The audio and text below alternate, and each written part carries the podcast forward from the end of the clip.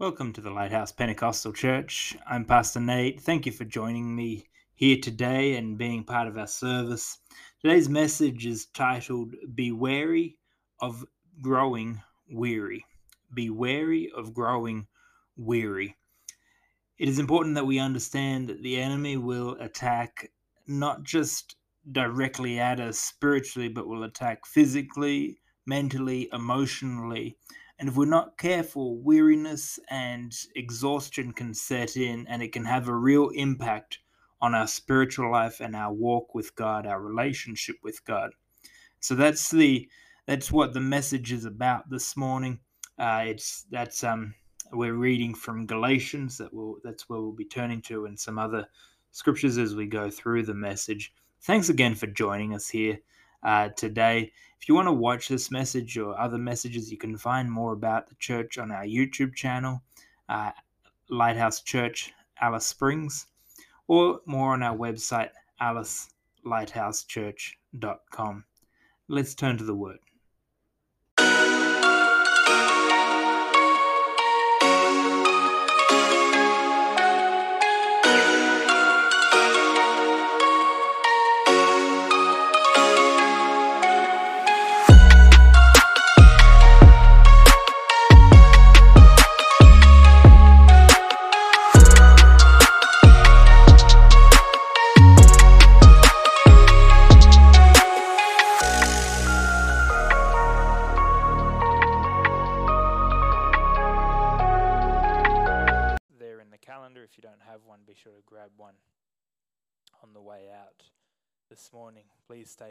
Coffee if you're able to and have some fellowship after service. Praise God. What a beautiful presence of God here this morning. I know it seems like I say that every Sunday. Uh, we are very blessed, and it's something that I never want to just assume or take for granted. Let's turn to the word this morning, Galatians chapter 6, starting in verse 7. We are now into October, can you believe it? And the year is very quickly nearing its end. Galatians chapter 6, starting in verse 7, says, Be not deceived, God is not mocked. For whatsoever a man soweth, that shall he also reap. For he that soweth to his flesh shall of the flesh reap corruption, but he that soweth to the Spirit shall of the Spirit reap life everlasting. And let us not be weary in well doing, for in due season we shall reap if we faint not. As we have as we have therefore opportunity, let us do let us do good unto all men, especially unto them who are of the especially unto them who are of the of the household of faith. This morning I want to preach just for a little while on this subject be wary of growing weary. Be wary of growing weary. Let's pray this morning, God. I pray that you would speak to us. God, I pray that you would minister to us. Anoint me, God, as I preach what you've laid on my heart for this church, for the people here this morning.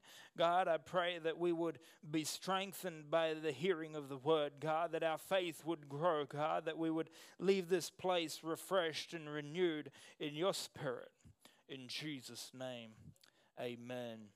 Amen. Amen. Be wary of growing weary. Paul is writing to the Galatian church here and he says, he says, you'll reap what you sow. If you put corn in the ground, you will reap corn. If you put flowers in the ground, you will reap those flowers.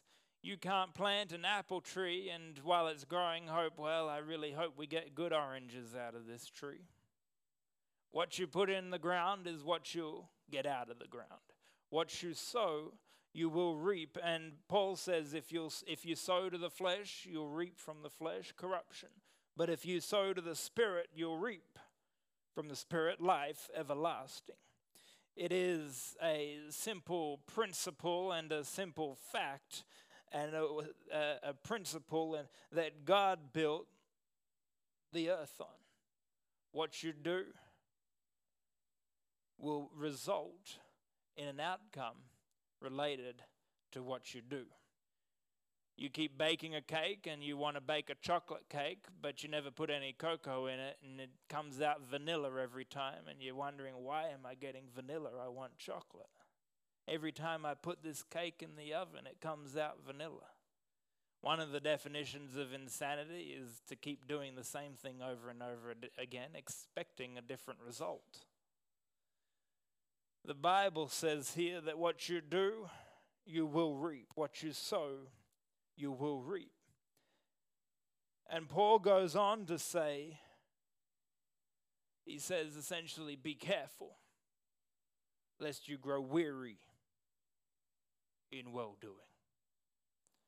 Be careful lest you grow exhausted and tired and wore out and weary in doing good things because you can you can you can things can be good and and and you can be doing a lot of good things and a lot of great things but anything can exhaust you. Understand what you plant you've also got to harvest.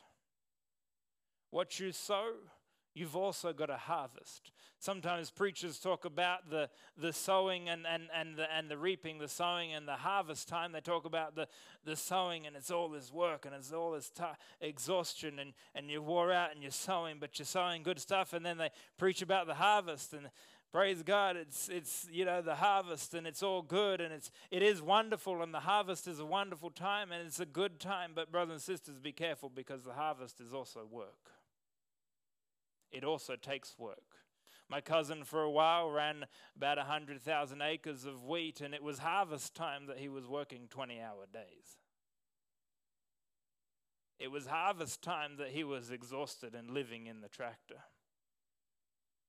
It was that time that he was wore out because, but he had to keep going to get it all in. Harvest time is wonderful, but you can grow weary if you're not careful in well doing.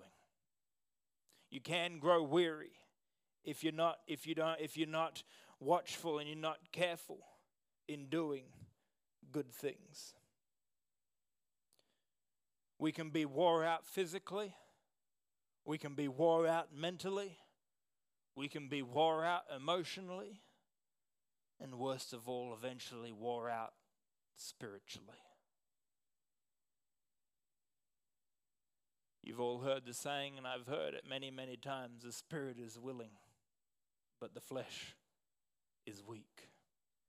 The enemy will try to get to your spirit through your flesh.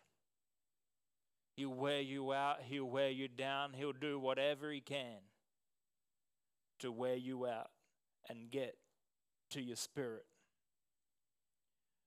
Weariness when we're weary, when we're exhausted, when we're, when we're tired and wore out, it lowers our awareness.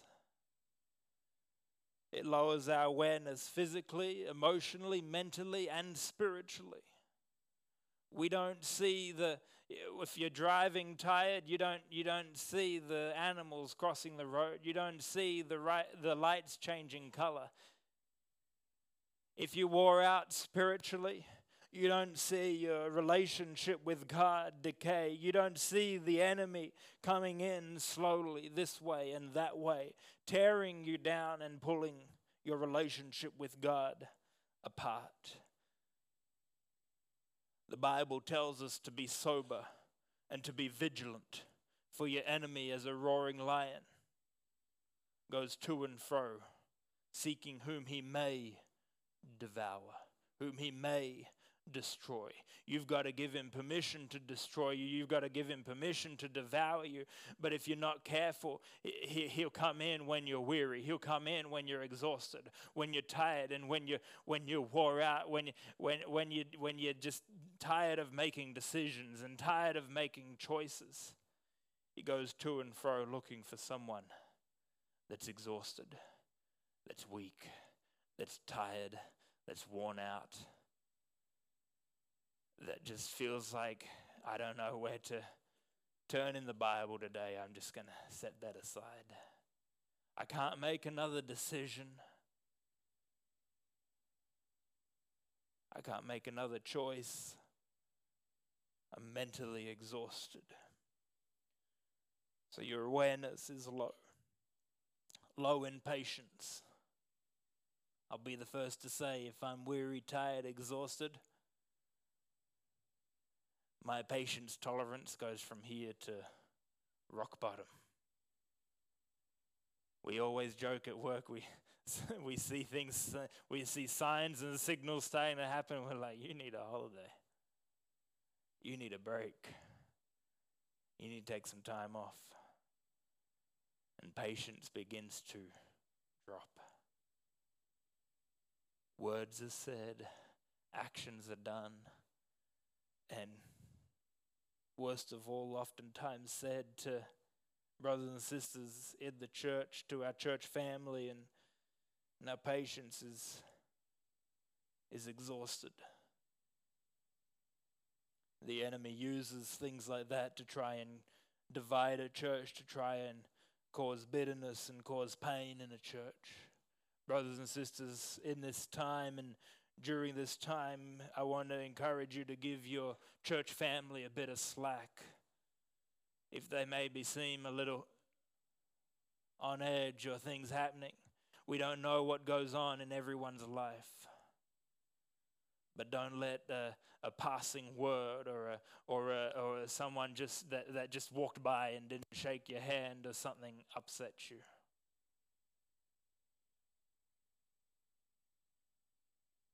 We're family. We're family. Give each other a little bit of slack. And also come around each other. If you think someone's wore out, if you think someone's exhausted, let them know you're praying for them. Text them through the week. More on that later. And finally, weariness heightens our chances for bad decisions. When you're tired, when you're exhausted, you don't make good decisions. I've made some decisions at 2 a.m., not the smartest choices I made. I have a, f- you can find out something about your pastor. I have a full Jedi outfit that I purchased at 1:30 a.m. in college from Amazon. Still got it at home. Probably not the smartest decision, not the worst decision you can do at 1:30 a.m. But we make silly decisions when we're tired. We we our, our mind says I shouldn't say this, but here I go. I shouldn't do this, but here we go. When you're wore out, when you're tired, the decisions and the chances for bad decisions become higher and higher. Satan doesn't want your physical possessions. He doesn't want your emotions. He doesn't want any of that but He will use that to get you to your spiritual walk with God. He will use that to get to your spiritual relationship with God. Most often times than not, the first place Satan will start is physically. Physically and mentally, these two areas. But physically, the, the, what we see in our natural eye are things that are physical things that that are tangible, things that we can touch, things that we can hold. We see the attack in this in this process physically, mentally, emotionally come against Job from Satan. We see this exact thing walked out. Job lost his cattle, lost everything. Physically, he lost it all. The enemy will do the same. He'll come against you, he'll, he'll, he'll, attack your health, he'll attack your finances, he'll attack your car, he'll give you a flat tire. He'll do all these kinds of things, and he really doesn't care about your car.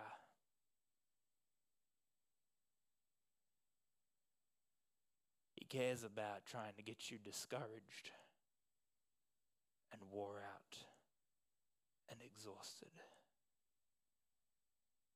And he'll start by attacking, attacking you physically in the physical things because they're the things that our natural eye beholds. They're the things that our natural eye sees. Mentally, we turn to Romans chapter 7, verse 25. Paul says, I thank God through Jesus Christ our Lord. So that so then with the mind I, I myself serve the law of God, but with the flesh the law of sin. Satan comes in and attacks Job's health, attacks his health, and puts boils all over his body. Imagine what kind of thing that does to his mind, to his emotions. The enemy's after your mind because it is with, as Paul says, it's with the mind that you serve God. Your emotions can be here and your emotions can be there. But it is, it is a decision that you make to serve God. It is a choice that you make to serve God. Paul said, I've, I've, I've, I've had a lot and I've had not too much, and I've found in all states, and I've learned to be content.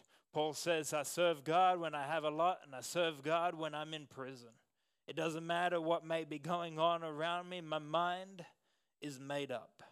My mind has decided that I will serve the Lord. Bible says, choose you this day whom ye will serve. Joshua speaking to the people. He says, This day, choose you who you will serve. Make a decision in your mind. And, brothers and sisters, there can be all kinds of things that can be going on in your life. Your, your home life can be, can be terrible. Your work life can be terrible. And all, this th- all these things can be going on. And, and you, you, could, you could be wore out and exhausted. But if you can hold on to your mind and maintain your focus, this is where church comes in. No, church, no, going to church doesn't doesn't save you. Be, being a part of an organization doesn't save you. But this is where the church steps in and and and and helps helps guide and helps strengthen and helps every Sunday. If the least you do every week is on a Sunday morning, say my life's a mess at the moment, but Satan, I'm going to church you'll get through. You'll get through. You'll make it to the other side. The mind, it is, it is more powerful than so many people realize. And this is why Paul says, and it's reiterated, we see it in the in the Old Testament tabernacle plan and everything there. It's so much through the scripture that it's it's with the mind that we serve God, that we decide to follow after Him. That's the first thing, oftentimes, is your decision to follow Him. Next, the enemy will begin attacking emotions and emotionally attack. Begin to attack how you feel. He did this with Job. After Job's boils, some of his friends came around. And here's what they said they said, Job, you must have sinned really bad. Job, God must be so angry with you. Job, you must have let God down so much. If I was Job, I'd be like, with friends like you, who needs enemies? And then Job's wife turns to Job and tells him, while he's covered in boils and all this stuff, tells him, just curse God and die. And the emotions begin, begin, get, begin to beget, begin to get attacked.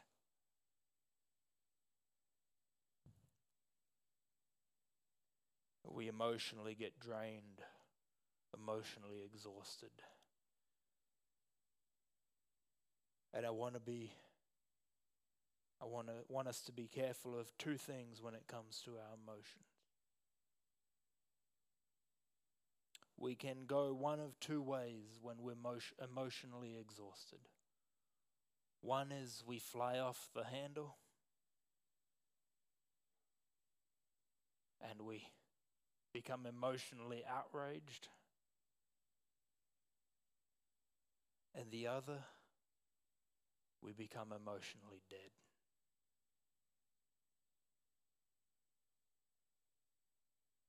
And for those people, their favorite verse is None of these things shall move me. It's a verse in the Bible. I'm not going to go down that verse now. But when you become emotionally dead, brothers and sisters, presence of God can be moving the Spirit of God can be moving. And if you're not careful, you feel nothing.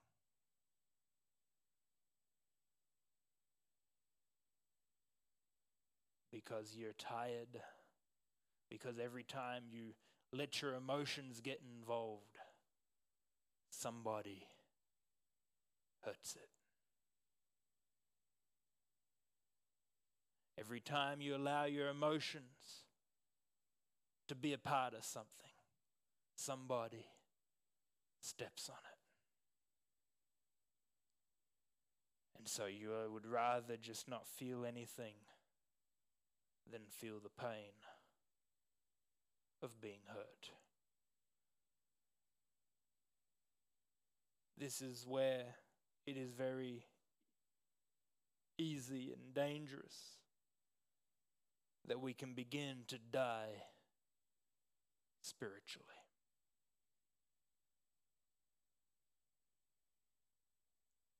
Because our walk with God is a relationship. And a relationship is built partially and a good portion on emotions being involved. God gave them to you. Let me tell you something God will never step on your heart, God will never hurt your emotions. People will let you down. People will do things, organizations will let you down, and, and they'll do things, things will happen. But God won't. And it is worth it is worth the price and the pain of being hurt by people to be emotionally engaged with God.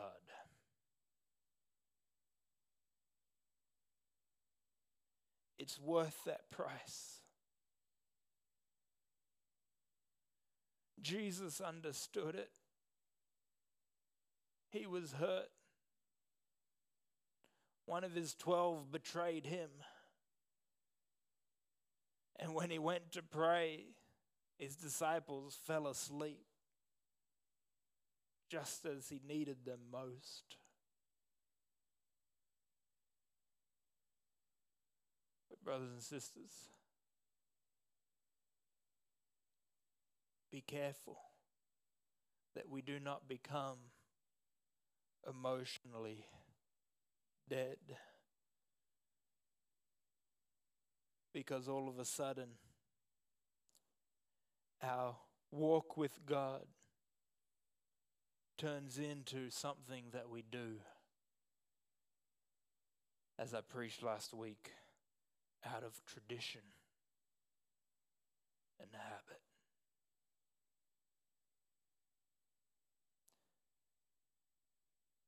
Becomes something that allows you to walk by the half beaten man on the road in the parable of the Good Samaritan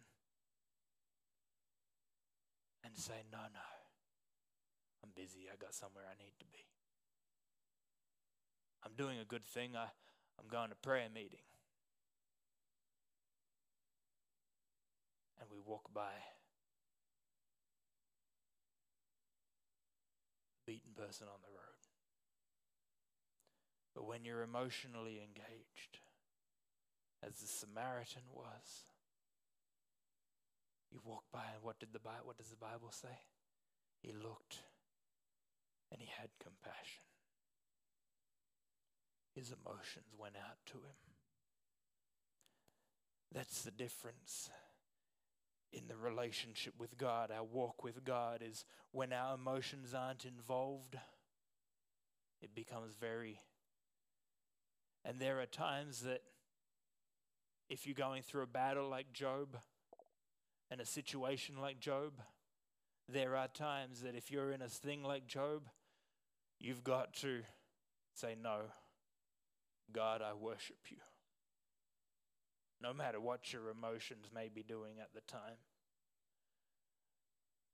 Job, uh, after every encounter, worshipped God. Be careful not to become weary.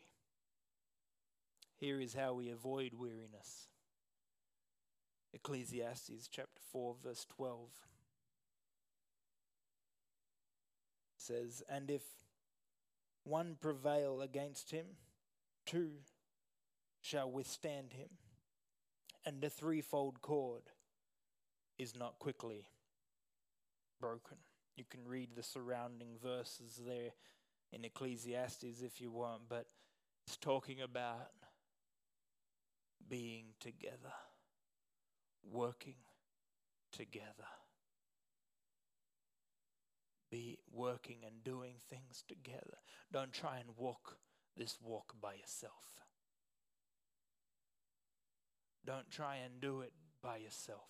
You're stronger with someone else the Clydesdale horse by itself, when it's been trained and brought up, the Clydesdale horse by itself can pull 8,000 pounds.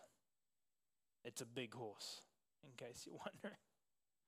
8,000 pounds is what a Clydesdale horse can pull. Two horses, two Clydesdales, trained side by side, trained together, walking in unison in the same direction. One can pull 8,000, two can pull 32,000. Four times as much.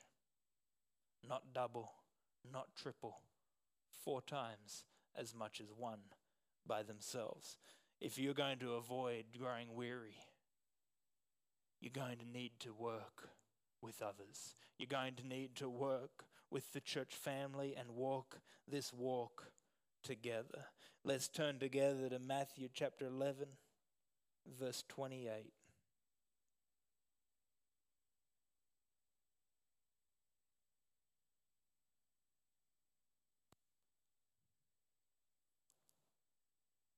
Jesus says, Come unto me, all ye that labor and are heavy laden, and I will give you rest. Take my yoke upon you and learn of me. For I am meek and lowly in heart, and ye shall find and ye shall find rest unto your souls. For my yoke is easy, and my burden is light. Jesus says, Learn from me, for I am meek and lowly in heart. I had a professor all the time that used to say, Don't mistake my meekness for weakness. To be meek is quite strong. To be meek means really you're not concerned what this world may think about you and your relationship with God. Paul says, I'm not ashamed of the gospel. Jesus wasn't trying to impress anybody. And yet, he had all the power in the world at his fingertips. He had all authority in his fingertips. But he wasn't trying to impress anybody. Brothers and sisters, if we get, sometimes we get caught up too much in, in society, we get caught up too much in things, and we get caught in this rat race of trying to impress people we'll never meet.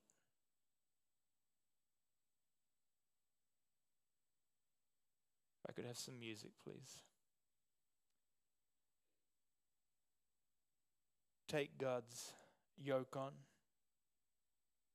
Lay aside every weight and burden that does so easily beset. And if you find yourself already wore out and exhausted and tired and close to a breaking point. This is what the Bible says. Isaiah chapter 40, verse 31 says, But they that wait upon the Lord shall renew their strength. They shall mount up with wings as eagles. They shall run and not be weary. And they shall walk and not faint. They that wait upon the Lord shall renew their strength. Renew is to it means to make something new again.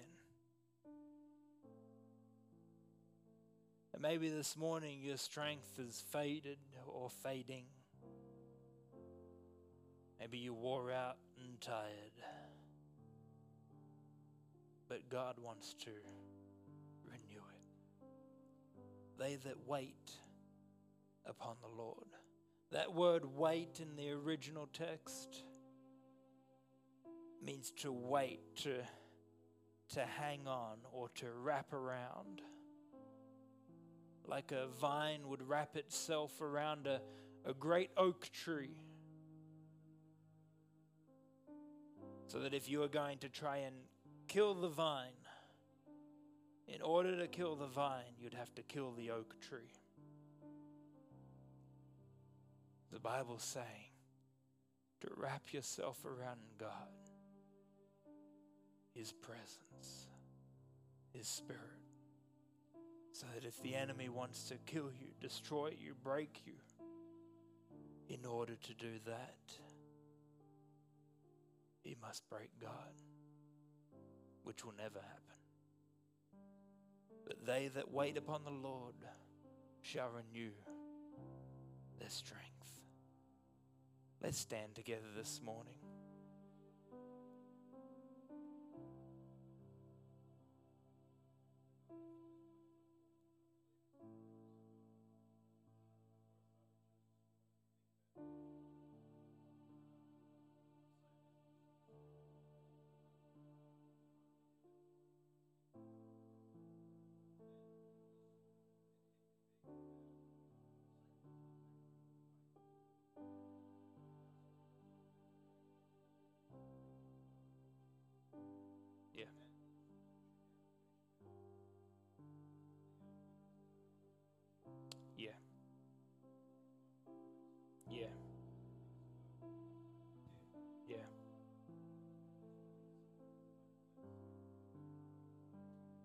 Yeah.